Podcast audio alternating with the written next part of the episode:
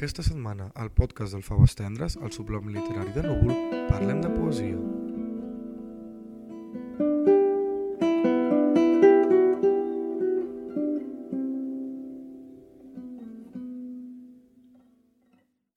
Benvinguts al Faves Tendres, al suplement literari de Núvol.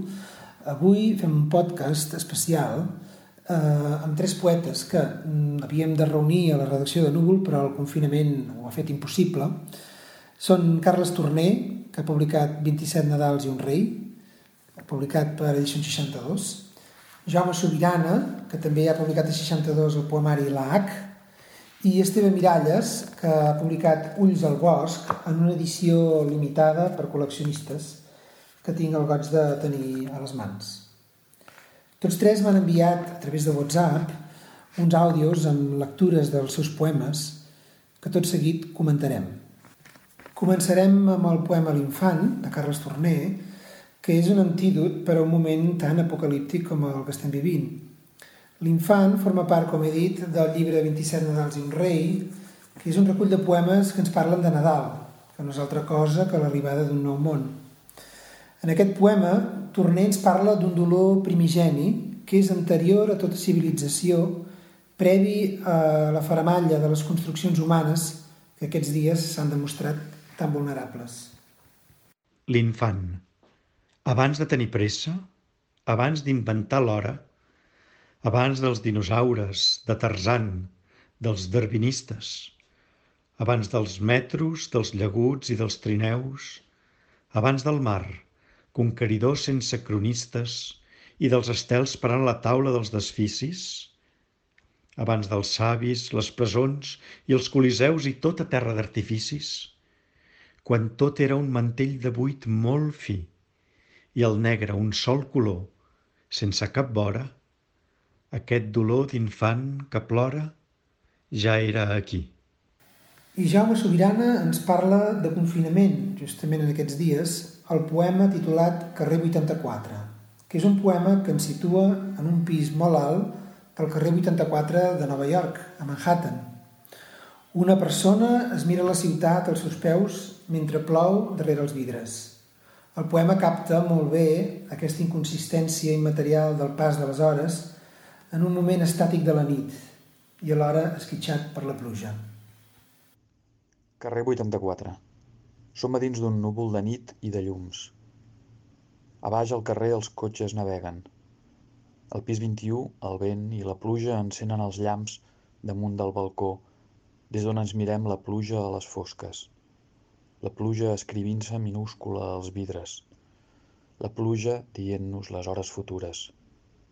Quantes i per què, anant cap a on, quants carrers encara abans d'arribar al nostre destí tot aquí apuntat amb lletra esquitxada, regalims i esclats, i tot va esborrant-se.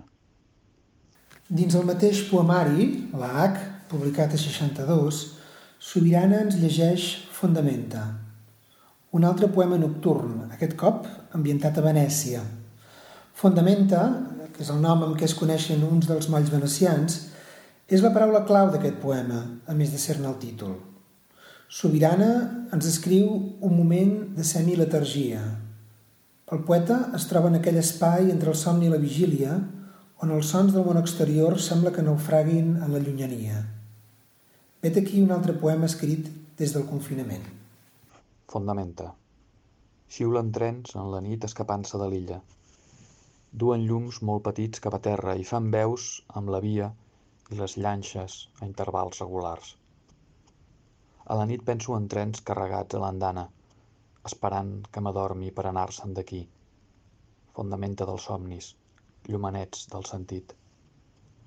Els que tornen van buits, llarga corda a les fosques, sotregant en silenci, sotregant cap a mi. I Esteve Miralles ens llegeix el poema Renillà, que forma part del llibre Ulls al bosc. Aquest poema té set parts i ell ens en llegeix la part central. Si el poema que ens acaba de llegir Jaume Sobirana ens parlava d'una persona que s'adorm, aquí Esteve Miralles, en canvi, ens parla d'un individu que es desperta. M'he despertat al dalt d'un pont de pedra, al mig del bosc, ens diu el primer vers del poema. En el fragment que escoltareu ara ens parla dels cavalls, els esquirols i d'un pica-soques. L'home observa i escolta aquests animals que fan via laboriosos, ben aliens al tel d'avorriment que s'ha apoderat de les nostres vides. Renillar. Renillar. Aquests cavalls que pasturen no necessiten saber què és la clorofila, però necessiten l'herba, el prat, el sol amb nutrients, la llum solar, l'aigua, el verd, necessiten saber distingir l'herba bona. Necessiten renillar, caminar, batre la cua, saber trotar, galopar, escapar, saber atensar-se'ns fins al filat, tant com poden. Els esquirols han emplenat el terra del camí amb un tou de pinyes rosegades – Se senten les branquetes que crepiten com un foc sense foc al dalt dels arbres, que no s'estan mai quiets, que s'esmunyen escàpols d'arbre en arbre, pins, àlbers, avellaners. La pluja, el vent i els xocs dels continents i els terratrèmols han emplenat el terra d'aquest bosc amb un tou de roques rodolades, que s'alcen dretes o mig colgant o fent altars o cèrcols, o solitàries, sí, i si fa molsa. Un picasoques telegrafia un avís d'urgència i apareix un esquirol xafarderot. Mira i remira. Necessita els arbres, els pinyons, saber amagar-se als troncs francs, saber volar, llançar-se i fer equilibris al damunt de branquetes estantisses, rosegar i remenar la cua llarga i esbullada i necessita mirar-me. Aquest temple de roques amuntegades pels tremolors ja el té vist. La percussió de semifuses del picasoques prou la coneix. L'olor de la resina prou que també. El bosc hi és. I sona encara un altre telegrama i un altre picasoques que l'escampa pel baix de les falgueres. I encara hi ha un repicador tercer que du el missatge nou cap a l'esvelt àlber jacent que fa d'antena, mentre un estol d'altres ocells difonen la notícia amb batre d'ales i n'hi ha que grallen i n'hi ha que piu-piuen i ara és el vent que ha decidit no ser-hi i esperar al cim dels tossals alts. I per tancar aquesta lectura, tornem a Carles Torner, que el poema Brúixola ens parla de l'àngel, l'àngel que ens ha d'anunciar una vida nova. En aquest poema, una mà sospesa la figureta del pessebre amb ales i llavis de fang.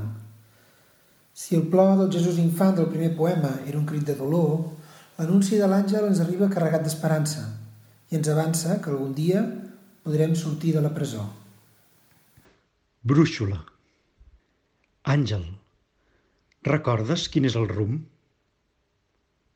La figureta, el clot de la mà, obre les ales, sacseja els rulls, no parpelleja i admira els ulls. Llavis d'argila, intenta parlar i diu els presos veuran la llum.